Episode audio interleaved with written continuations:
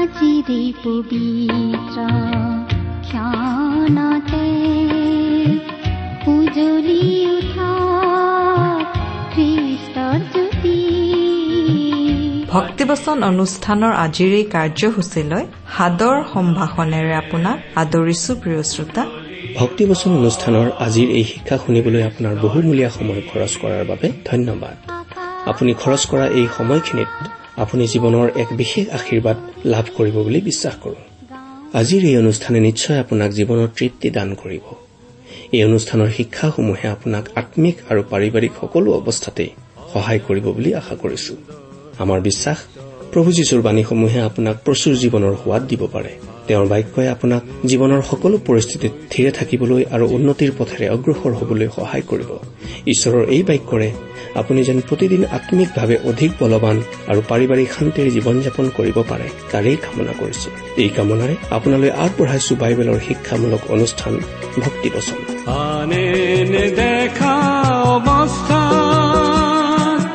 অসীম গুপুত কোঠা? পৰিচয় জানো পৰিষ্কাৰ আনে নেদেখা অৱস্থা অসীম গুপুত কোঠা পৰিচয় জানো পৰিষ্কাৰ স্বৰূপ লুকুৱা মুখা পিন্ধোৱা নাটকৰ ভদ্ৰ চৰিত্ৰ নায়ক খনায়ক সকলো নগ্ন। যিচু হ'ল যত্ৰু ছবিদ্ধ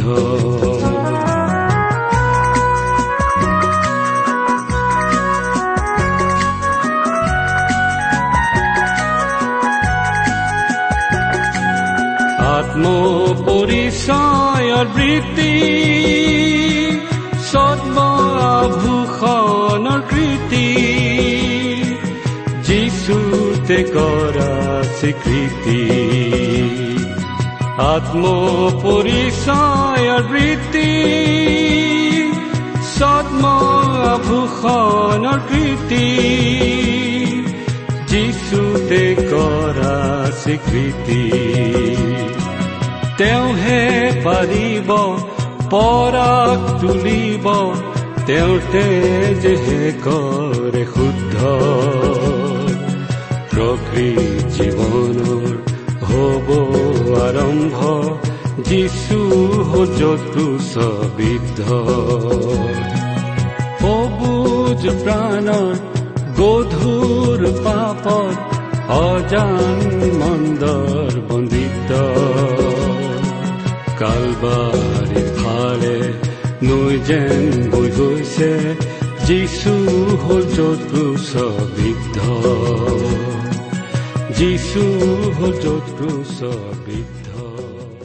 আমাৰ পৰম পবিত্ৰ প্ৰভু যীশুখ্ৰীষ্টৰ নামত নমস্কাৰ প্ৰিয় শ্ৰোতা। আশা কৰো মহান পিতা পৰমেশ্বৰৰ মহান অনুগ্ৰহত আপুনি ভালে কুশলে আছে। লগতে এই বুলিও আশা কৰিছো যে আপুনি আমাৰ এই ভক্তিবচন অনুষ্ঠানটো নিয়মিতভাৱে শুনি আছে। প্ৰিয় শ্ৰোতা এই অনুষ্ঠান শুনি আপুনি কেনে পাইছে আমালৈ চিঠি লিখি জনাবচোন। আপোনালোকৰ পৰা চিঠি পত্ৰ পাবলৈ আমি আগ্ৰহেৰে বাট চাওঁ। আমাৰ যোগাযোগৰ ঠিকনাটো হয়তো আপোনাৰ মনত আছে। আহকচোন আজিৰ বাইবেল অধ্যয়ন আৰম্ভ কৰাৰ আগতে খন্তেক প্ৰাৰ্থনাত মূৰ দুৱাওঁ। স্বৰ্গত থকা অসীম দয়ালু পিতৃ ঈশ্বৰ তোমাৰ মহান নামৰ ধন্যবাদ কৰো। তুমি মহান তুমি কৰুণাময় তুমি অনুগ্ৰহৰ আকৰ। তোমাৰ অনুগ্ৰহতেই আজি আমি প্ৰভু যীশুত বিশ্বাস কৰি পৰিত্ৰাণ পাব পৰা হৈছো তোমাক পিতৃ বুলি মাতিব পৰা হৈছো। তুমি আমালৈ যিমান অনুগ্ৰহ দেখুৱাইছা তাৰ বাবে তোমাক ধন্যবাদ দি আমি শেষ কৰিব নোৱাৰো। এতিয়া প্ৰাৰ্থনা কৰিছো তোমাৰ মহান বাক্য বাইবেল শাস্ত্ৰৰ যোগেৰে তুমি আমাক কথা কোৱা। তোমাৰ মাত আমাক শুনিবলৈ দিয়া। কিয়নো এই প্ৰাৰ্থনা আমাৰ মহান ত্ৰাণকৰ্তা প্ৰভু যীশুখ্ৰীষ্টৰ নামত আগবঢ়াইছো।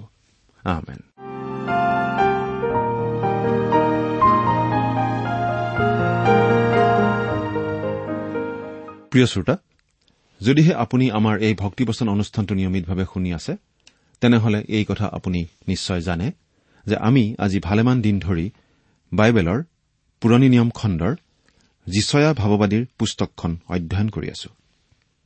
আৰু যদিহে আপুনি আমাৰ ইয়াৰ আগৰ অনুষ্ঠানটো শুনিছিল তেনেহলে এই কথা আপুনি জানে যে আমি আগৰ অনুষ্ঠানত এই যিচয়া ভাৱবাদীৰ পুস্তকখনৰ একাৱন্ন নম্বৰ অধ্যায়টোলৈকে আমাৰ অধ্যয়ন আগবঢ়াই নিলো। গতিকে আজি আমি অধ্যয়ন কৰিবলৈ হাতত লৈছো যিচয়া ভাৱবাদীৰ পুস্তকৰ বাৱন্ন নম্বৰ অধ্যায়টোৰ প্ৰথম পদৰ পৰা একেবাৰে তেপন্ন নম্বৰ অধ্যায়ৰ প্ৰথম আৰু দ্বিতীয় পদ। এই বাৱন্ন নম্বৰ অধ্যায়টোত আমি পৰিত্ৰাণপ্ৰাপ্ত কৰা ইছৰাইলৰ অৱশিষ্ট ভাগক আহান কৰা ইছৰাইলৰ বাবে ৰাজ্য অনুষ্ঠিত কৰা আৰু যাতনাভোগী মহান দাসজনৰ সৈতে পৰিচয় কৰাই দিয়াৰ বিষয়ে পঢ়িবলৈ পাওঁ। এই অধ্যায়টোত সজাগ কৰি দিয়াৰ ঘড়ীটো পুনৰ সক্ৰিয় হৈ উঠা আমি দেখা পাওঁ।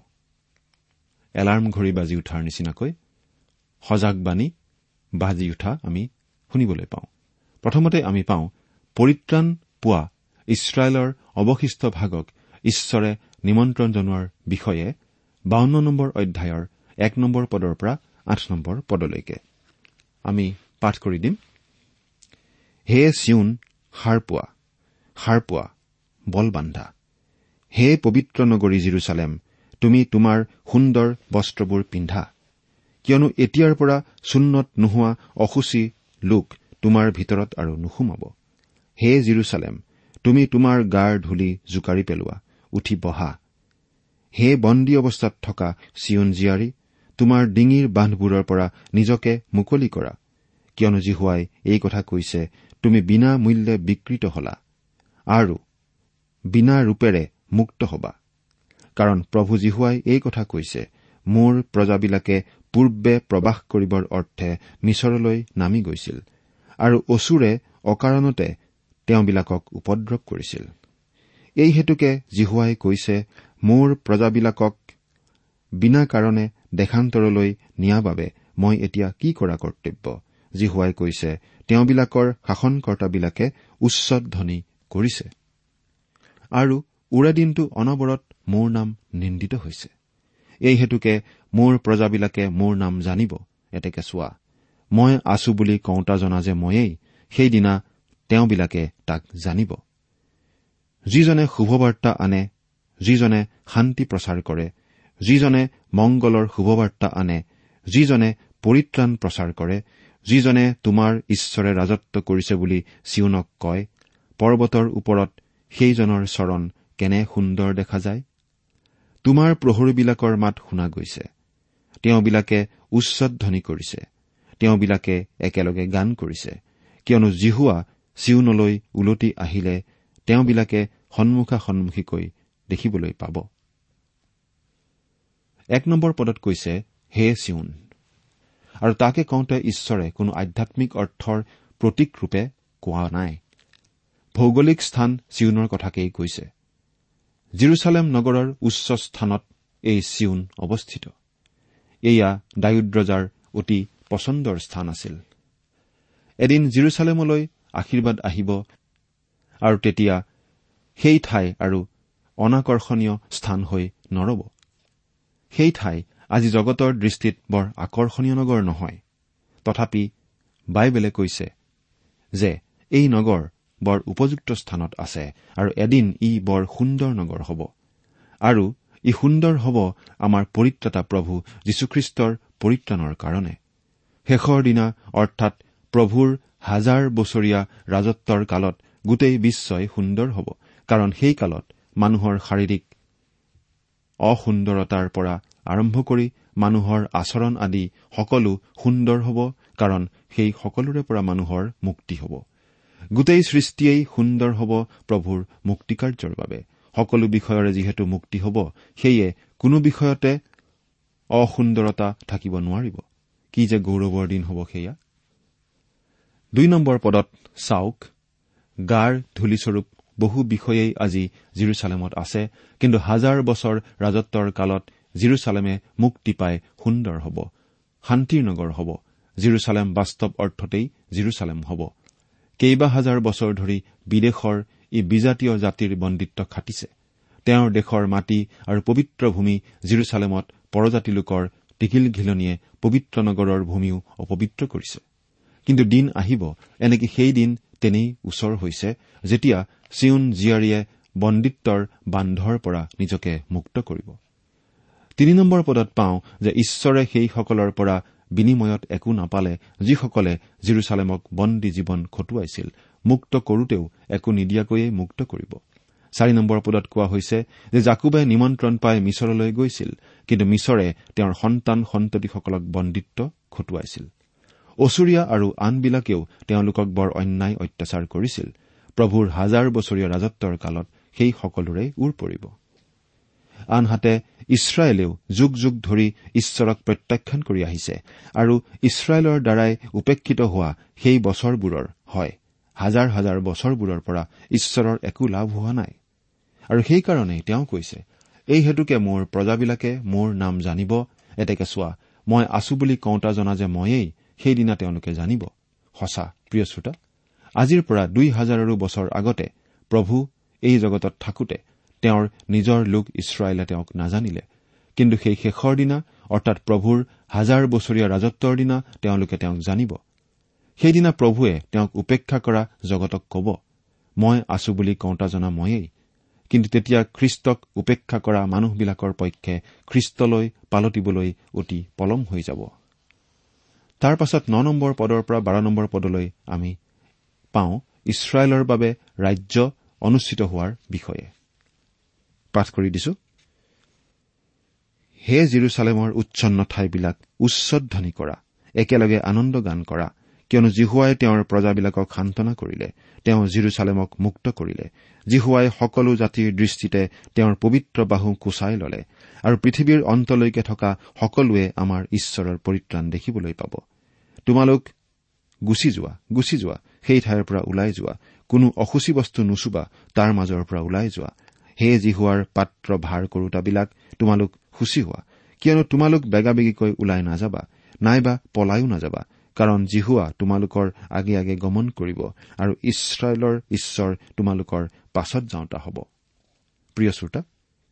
জিৰচালেমত আজি যিটো নাই সেইটো হৈছে আনন্দৰ গীত গান আনকি জিৰচালেম ভ্ৰমণ কৰিবলৈ যোৱা নিজৰ চকুৰে দেখা লোকসকলেও এই কথা সঁচা বুলি কয়। সঁচানে মিছা নাজানো। এনেকি জিৰচালেমত থকা গীৰ্জাতো সেই আনন্দৰ গীত গানৰ হেনো বৰ অভাৱ। কিন্তু তাত সকলোৱে দেখা পোৱা বস্তুটো কি জানেনে? ক্ৰদনৰ দেৱাল। মানুহবিলাকে তালৈ গৈ সেই দেৱালত নিজৰ মূৰ খুন্দিয়াই খুন্দিয়াই চিঞৰে ক্ৰদন কৰে দুখ কৰে আৰু প্ৰাৰ্থনা কৰে। কিন্তু এই চিঞৰ বাখৰৰ দিন সদায় নাথাকিব। এটা দিন আহিব যিদিনা জিৰচালেমৰ মানুহবিলাক আনন্দত আত্মহাৰা হ'ব। একেলগে গাব মুক্তিৰ প্ৰশংসাৰ গীত।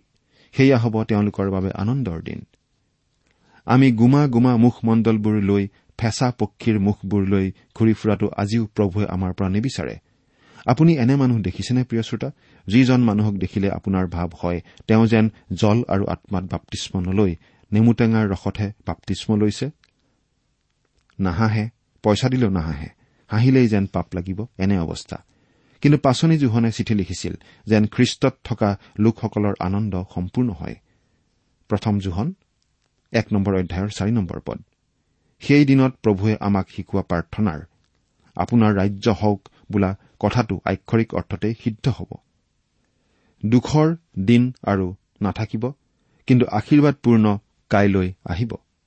উচুপনি আৰু নাথাকিব কিন্তু শস্য দোৱাৰ সময় আহিব। সঁচাকৈ সেয়া গৌৰৱৰ দিন হ'ব। আৰু এতিয়া বাৱন্ন অধ্যায়ৰ তেৰ চৈধ্য আৰু পোন্ধৰ নম্বৰ পদত পাওঁ যাতনা ভোগকাৰী মহান দাসজনৰ আৱিৰ্ভাৱ আৰু পৰিচয়ৰ কথা। পদ তিনিটা পাঠ কৰি দিছো। চোৱা মোৰ দাস কৃতকাৰ্য হ'ব। তেওঁ উন্নত হ'ব আৰু ওখ পদ পাব আৰু তেওঁ মহিমা মহিম হ'ব। আন মানুহতকৈ তেওঁৰ আকৃতি আৰু মনুষ্য সন্তানবিলাকতকৈ তেওঁৰ ৰূপ অধিককৈ বিকৃত হোৱা দেখি যেনেকৈ অনেকে তেওঁৰ বিষয়ে তধা লাগিল তেনেকৈ তেওঁ অনেক জাতিৰ ওপৰত শান্তিজল ছটিয়াব। তেওঁৰ আগত ৰজাবিলাকে নিজ নিজ মুখ বন্ধ কৰিব। কিয়নো পূৰ্বে তেওঁবিলাকৰ আগত যি কথা প্ৰচাৰ কৰা নাছিল তাক তেওঁবিলাকে দেখিবলৈ পাব আৰু যিহক কেতিয়াও শুনা নাছিল তাক বুজিবলৈ পাব। প্ৰিয় শ্ৰোতা কোনো নৱজাতক শিশুৰ আগমনত হাঁহিবলৈ পাৰিবলৈ হলে কোনোবাই শিশু প্ৰসৱৰ বেদনা বহন কৰিব লাগিব। সেয়ে আমাৰো তেনে এজনা মহান যাতনা বহনকাৰী দাস আছে। প্ৰিয় শ্ৰোতা তেৰ নম্বৰ পদত কোৱা হৈছে যে সেই দাসগৰাকী কৃতকাৰ্য হ'ব। মানুহেও আজি দাবী কৰে যে তেওঁলোকে কৃতকাৰ্যতাৰে প্ৰগতিৰ পথত আগবাঢ়িছে। কিন্তু দাবীৰ দৰে যে কৃতকাৰ্য হোৱা নাই তাৰ সাক্ষী দাবী কৰোতাসকলেই হয়। যাওঁতে এটা ডাঙৰ জাননী ফলক দেখিব যিটো ফলকে আপোনাক কয় দেশ প্ৰগতিৰ পথত। কিন্তু তেওঁলোকৰ প্ৰগতিৰ দেশৰ অলপ বাট আগুৱাই গ'লে আকৌ এটা ফলক দেখিব য'ত ফলকটোৱে কয় দুৰ্বল দলং গাড়ী লাহে লাহে চলাব। মানুহৰ কৃতকাৰ্যতাৰ সেইটোৱেই ছবি। যাতনাভোগী মহান দাস আমাৰ প্ৰিয় প্ৰভু যীশুখ্ৰীষ্টই কিন্তু কৃতকাৰ্যতাৰে সকলো কৰি থৈ গৈছে সকলো কৰি গৈ আছে আৰু এই কৃতকাৰ্যতা সম্পূৰ্ণ কৰিব শেষৰ কালত। তেওঁৰ ৰাজত্বৰ হাজাৰ বছৰীয়া কালত। আৰু তেওঁ উন্নত হ'ব ওখ পদ পাব আৰু মহিমা মহিম হ'ব। যি কথা পাচনি পৌলেও ফিলিপিয়া দুই নম্বৰ অধ্যায়ৰ ন নম্বৰ পদৰ পৰা এঘাৰ নম্বৰ পদৰ এইদৰে লিখিছে আমি পাঠ কৰি দিছো। এই হেতুকে স্বৰ্গত পৃথিৱীত আৰু পৃথিৱীৰ তলত নিবাস কৰা সকলোৱে যেন যীশুৰ নামত আঁঠু লয় আৰু যীশু খ্ৰীষ্ট যে প্ৰভু ইয়াক যেন পিতৃ ঈশ্বৰৰ গৌৰৱৰ অৰ্থে সকলো জীৱাই স্বীকাৰ কৰে এইকাৰণে ঈশ্বৰে তেওঁক অতি ওখ পদ দিলে। আৰু সকলো নামতকৈ সেই শ্ৰেষ্ঠ নাম তেওঁক দান কৰিলে। তাৰ পাছতেই এই যাতনা ভোগকাৰী দাসগৰাকীৰ পৰিচয় স্পষ্ট ৰূপত দিয়া হৈছে। চৈধ্য নম্বৰ পদৰ কথাখিনিয়ে তেওঁৰ ক্ৰুচীয় দুখ ভোগ আৰু মৃত্যুৰ কথাকেই প্ৰকাশ কৰিছে। মানুহৰ ইতিহাসৰ সেই অন্ধকাৰ যুগত মানুহে যেতিয়া একো কৰিব নোৱাৰা হ'ল তেতিয়া ঈশ্বৰৰ পুত্ৰই মানুহৰ পৰিত্ৰাণৰ হকে ক্ৰুচত কাম কৰিবলৈ লৈছিল। কিটমিটীয়া কলা অন্ধকাৰৰ তিনি ঘণ্টা সময় চোৱাতেই মানুহৰ পুত্ৰৰ বাবে ক্ৰুচখন হৈ পৰিছিল বলিৰ থাপনা। তাতেই ঈশ্বৰৰ মেৰ পোৱালীগৰাকীয়ে জগতৰ পাপৰ মূল্য বহন কৰিছিল। অন্ধকাৰ তিনি ঘণ্টাৰ পাছত যেতিয়া পুনৰ পোহৰ হৈছিল তেতিয়া মানুহবিলাকে নিশ্চিত বিস্ময়ত চাৰিওফালে চাইছিল। সেই ক্ৰুচখনলৈকো চাইছিল। সেই প্ৰভু পৰিত্ৰাতা প্ৰভুক আনকি মানুহ এজনৰ নিচিনাও দেখা নগৈছিল। ক্ষত বিক্ষত শৰীৰেৰে অৱৰ্ণনীয় চেহেৰাৰে এটা ওলমি থকা নশ্বৰ দেহা। তেওঁক দেখিলে যেন ভাল পাব পাৰো তেনে সৌন্দৰ্য তেওঁৰ নাছিল। সেইকাৰণেইতো সেই তিনি ঘণ্টা সময় অন্ধকাৰৰ উৰণিৰে গোটেই অঞ্চল ঢাকি ধৰিছিল। অনুসন্ধিৎসু মানুহে তেওঁত কিবা দেখা সন্তুষ্টি লভিব পাৰে এনে একো তেওঁৰ নাছিল। প্ৰিয় শ্ৰোতা কোনো দুৰ্ঘটনা আদিত কোনো লোকৰ চুচুৰময় হোৱা মুখমণ্ডল আপুনি কেতিয়াবা দেখিছেনে? বাইবেলে কৈছে যে সকলো বিকৃত চেহেৰাৰ মানুহতকৈ তেওঁৰ চেহেৰা অধিক বিকৃত আছিল। মোৰ আৰু আপোনাৰ পাপৰ মুক্তিৰ মূল্য বহন কৰিবলৈ ক্ৰুচত তেনে দুখ কষ্ট তেওঁ বহন কৰিলে। পোন্ধৰ নম্বৰ পদৰ কথাটোৱে প্ৰকাশ কৰা কথাটো হৈছে যে মানুহে প্ৰভুৰ মৃত্যুৰ দুখৰ কথা ভালদৰে ভাবিলে গা জিকাৰ খাই যাবলগীয়া ঘটনা। খ্ৰীষ্টৰ মৃত্যুটোক কোনো মানুহে সাধাৰণ ঘটনা এটাৰ দৰে কেতিয়াও ল'ব নালাগে। ক্ৰুচীয় মৃত্যুৰ কথাত যদি মানুহৰ গা জিকাৰ নাখায় তেন্তে আমি বুজিব লাগিব যে আমি বুজাই দিওঁতাসকলে ভালদৰে বুজাই দিব পৰা নাই। কথাছবি প্ৰযোজকসকলে তেওঁলোকৰ ছবিত এনেকুৱা ৰূপে ক্ৰুচবিদ্ধ দৃশ্যটো দেখুৱাই যে খ্ৰীষ্টীয় আৰু অখ্ৰীষ্টীয় বহু লোকে চকু লুটুকে। আৰু আপোনালোকৰ এই অযোগ্য দাসে হলে প্ৰভুৰ ক্ৰুচীয় মৃত্যুৰ দৃশ্য ডেকাকালৰে পৰা এই বয়সলৈকে এতিয়ালৈকে কোনো কথাছবিত ভালদৰে চাব নোৱাৰো। শেষবাৰৰ নিমিত্তে চকু মুদালৈকে নিশ্চয় ভালদৰে চাব নোৱাৰিম।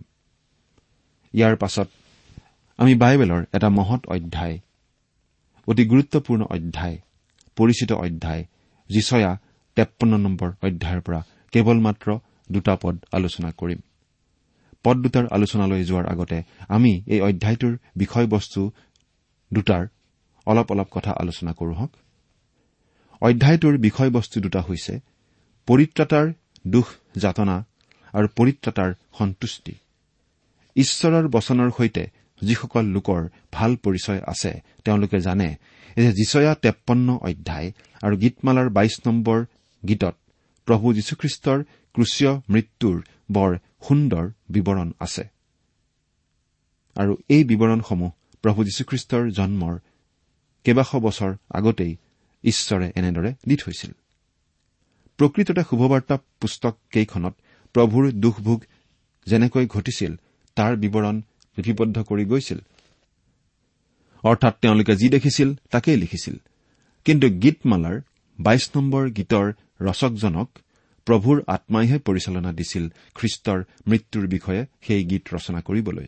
আৰু আনফালে ভাৱবাদী যিচয়াকো তেওঁৰ মৃত্যুৰ বিষয়ে ভাৱবাণী প্ৰচাৰ কৰিবলৈ সেই একেজনা পবিত্ৰ আত্মা ঈশ্বৰেই পৰিচালিত কৰিছিল। সেয়েহে প্ৰভুৰ প্ৰথম আগমনৰ ইমান বছৰৰ পূৰ্বেই ইমান সুন্দৰভাৱে তেওঁৰ মৃত্যুৰ বৰ্ণনা গভীৰ অৰ্থসহ লিখিব পাৰিছিল। এতিয়া কোনোবাই হয়তো প্ৰশ্ন কৰিব যে এই যিচয়া পুস্তকৰ তেপন্ন নম্বৰ অধ্যায়টো যে প্ৰভুৰ মৃত্যুৰ বৰ্ণনা তাক কেনেকৈ জানিব পাৰি? নিশ্চয় জানিব পাৰি কাৰণ কোচ দেশৰ নপুংসকজনে সেই যিচয়া তেপন্ন নম্বৰ অধ্যায়টো পাঠ কৰি একেটা প্ৰশ্নকেই শুভবাৰ্তা প্ৰচাৰক ফিলিপক সোধোতে ফিলিপে বুজাই যীশুৰ কথাই প্ৰচাৰ কৰিছিল। আৰু এই কথা আমি পঢ়িব পাওঁ পাচনিৰ কৰ্ম আঠ নম্বৰ অধ্যায়ৰ পঁয়ত্ৰিশ নম্বৰ পদত। প্ৰভুৱে নিজৰ কথা কবলৈ গৈ যিচয়া তেপন্ন নম্বৰ অধ্যায়ৰ উদ্ধৃতি দিছিল। এই কথা আমি পাওঁ জোহনে লিখা শুভবাৰ্তা বাৰ নম্বৰ অধ্যায়ৰ আঠত্ৰিশ নম্বৰ পদত। তাৰ পাছত এই অধ্যায়টোত পৰিত্ৰাতাজনৰ সন্তুষ্টিৰ কথা পোৱা যায়। দুখ যাতনা আৰু জীৱনৰ সন্তুষ্টি দুয়োটা এটাৰ পাছত আনটো যায়। দুখ কষ্ট নোহোৱাকৈ সন্তুষ্টিকৰণ লাভ নহয়। ৰাতি নথকাকৈ ৰাতিপুৱা নহয় আৰু অন্ধকাৰ নথকাকৈ পোহৰ হ'ব নোৱাৰে। দুখৰ পাছত সুখৰ মুখ দেখা পোৱাটো ঈশ্বৰৰে নিয়ম। ঈশ্বৰে চমু পথ ব্যৱহাৰ নকৰে। কৰাহেঁতেন ক্ৰুচীয় দুখ যাতনা তেওঁ এৰাই চলিব পাৰিলেহেঁতেন। সেয়েহে ঈশ্বৰৰ পৰিকল্পনাত তেওঁ দুখৰ পাছত সন্তুষ্টি লভাৰ পৰিকল্পনাকেই ৰাখিলে। এই বিষয়ে আমি ইয়াৰ পৰৱৰ্তী আলোচনাত আলোচনা কৰিম। এতিয়া এক আৰু দুই নম্বৰ পদ দুটা পাঠ কৰি দিছো শুনিবচোন। যিচয়া তেপন্ন নম্বৰ অধ্যায়ৰ এক আৰু দুই নম্বৰ পদ। আমাৰ বাৰ্তা কোনে বিশ্বাস কৰিলে? আৰু জিহুৱাৰ বাহু কাৰ আগত প্ৰকাশিত হল? কিয়নো তেওঁ তেওঁৰ আগত কোমল গজালিৰ দৰে আৰু শুকান মাটিত উৎপন্ন হোৱা শিপাৰ নিচিনাকৈ বাঢ়ি উঠিল। তেওঁৰ ৰূপ কি শোভা নাই আৰু তেওঁক দেখিলে আমি যেন তেওঁক ভাল পাব পাৰো এনে সৌন্দৰ্য তেওঁৰ নাই। আপোনাৰ মনত থাকিব পাৰে যে যিচয়াক ছয় নম্বৰ অধ্যায়ত আমন্ত্ৰণ কৰোতে ঈশ্বৰে কৈছিল যে তেওঁ তেওঁৰ বাণী প্ৰচাৰ কৰিব কিন্তু কোনেও নুশুনিব আৰু সেইটোৱেই তেওঁৰ অভিজ্ঞতা হৈছিল। আজিও আমাৰ অভিজ্ঞতা শুনিলে তেনেকুৱা লাগে। কেতিয়াবা এনে চিন্তা হয় যে পৰিত্ৰাণৰ শুভবাৰ্তা শুনিবলৈ ইচ্ছা কৰা মানুহ যেন সংসাৰত নোহোৱা হৈ যাব। সেয়ে যীচয়াই এই প্ৰশ্নেৰেই অধ্যায়টো আৰম্ভ কৰিছে। দুই নম্বৰ পদত প্ৰভু যীশুখ্ৰীষ্টৰ কথা পোনপটীয়াকৈ প্ৰচাৰ কৰা হৈছে। ইয়াত শুকান মাটিত উৎপন্ন হোৱা শিপাৰ নিচিনাকৈ মানে প্ৰভুৰ জন্মৰ সময়ত ডায়ুদৰ বংশ ৰাজবংশ হৈ থকা নাছিল সেই কথাটো বুজোৱা হৈছে। তেতিয়া ইছৰাইল দেশখন ৰোমিয়া শাসনৰ ভৰিৰ গছকৰ তলত আছিল। পুৰঠ যিহুদী ধৰ্ম পুনৰ কুমলীয়া গজালিত পৰিণত হৈছিল। ইছৰাইলে তেতিয়া কেৱল ইছৰাইলীয় ধৰ্মৰ কিছুমান আনুষ্ঠানিকতা পৰম্পৰা আৰু নীতি নিয়ম মাত্ৰ পালন কৰি থাকিব পাৰিছিল। এনে সময়তে প্ৰভু যীশুখ্ৰীষ্টৰ জন্ম হৈছিল।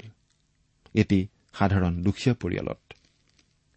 পদটোত তেওঁৰ সৌন্দৰ্য নাই বুলি কোৱা কথাটো বৰ মন কৰিবলগীয়া কথা।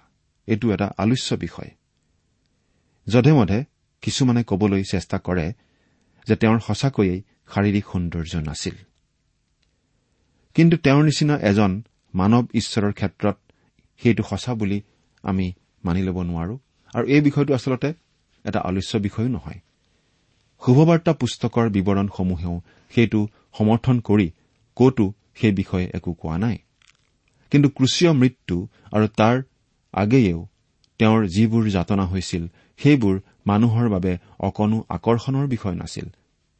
ক্ৰুচ ক্ৰুচৰ তাৰণা আৰু সেই ক্ৰুচত যিসকলক মৃত্যুদণ্ড দিয়া হৈছিল এইবোৰৰ মাজৰ একোটোৱেই সুন্দৰ নাছিল কোনোটোৱেই আকৰ্ষণীয় নাছিল আৰু মানুহে চাই ভাল পোৱা বিধৰ বস্তু নাছিল। আৰু সেয়েহে তেওঁক দেখিলে আমি যেন ভাল পাব পাৰো এনে সৌন্দৰ্য নাই। এইবুলি কোৱা হৈছে। তেওঁৰ শাৰীৰিক সৌন্দৰ্যৰ কথা কোৱা নাই কিন্তু ক্ৰুচত যে তেওঁ অৱৰ্ণনীয় দুখ যন্ত্ৰণা ভোগ কৰাৰ ফলত তেওঁক চাই ভাল পাব পাৰো এনে সৌন্দৰ্য নাই এই কথাটো কোৱা হৈছে।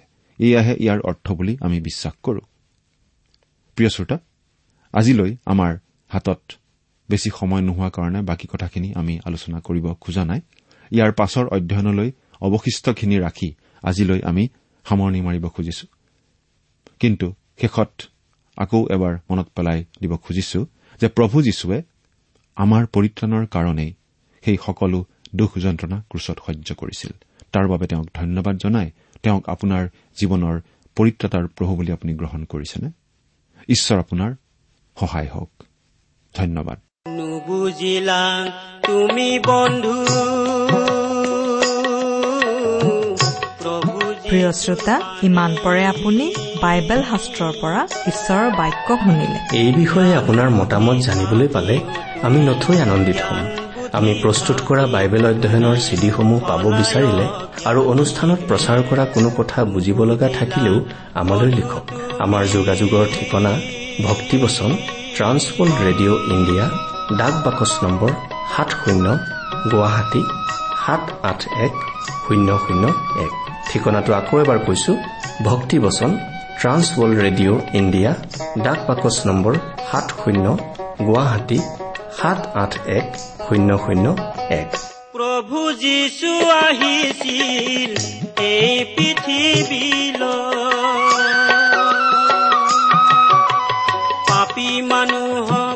পাপৰ পৰা উদ্ধাৰ কৰিবলৈ নুবুজিলা আমাৰ ইমেইল এড্ৰেছটো হৈছে Assamese T TV at the rate radio' eight eight two dot com আমাৰ website W W W dot T W R dot in আপুনি টেলিফোনৰ মাধ্যমেৰেও আমাক যোগাযোগ কৰিব পাৰে। আমাৰ টেলিফোন নম্বৰটো হৈছে nine eight five four zero' four zero' eight eight nine phone নম্বৰটো আকৌ এবাৰ কৈছো ন আঠ পাঁচ চাৰি শূন্য চাৰি শূন্য আঠ আঠ ন। আপুনি এই ভক্তিবচন অনুষ্ঠানটি আমাৰ website W W W dot radio' eight eight two dot কমতো শুনিব পাৰিব। আজিৰ অনুষ্ঠানটি ইমানতেই সামৰিছো। ঈশ্বৰৰ শান্তি আৰু অনুগ্ৰহ আপোনাৰ লগত থাকক। ধন্যবাদ। শুনা বন্ধু প্ৰভু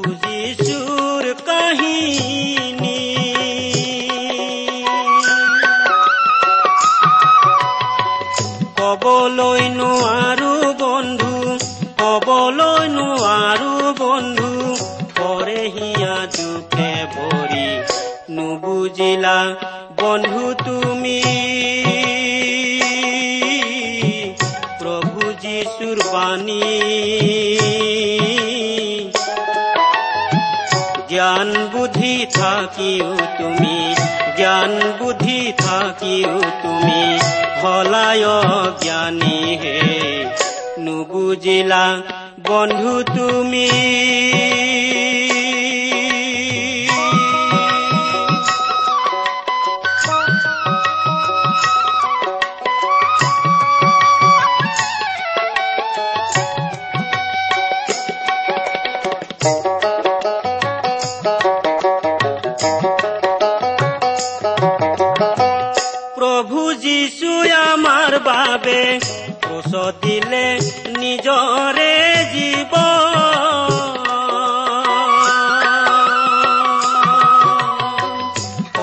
যে যাতনা ভুঞ্জিলে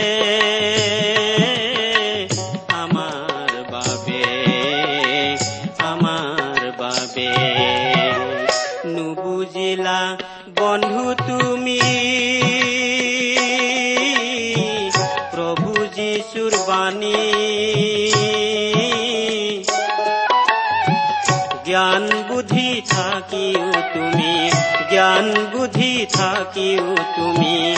হলায় জ্ঞানী হে। নুবুজিলা বন্ধু তুমি।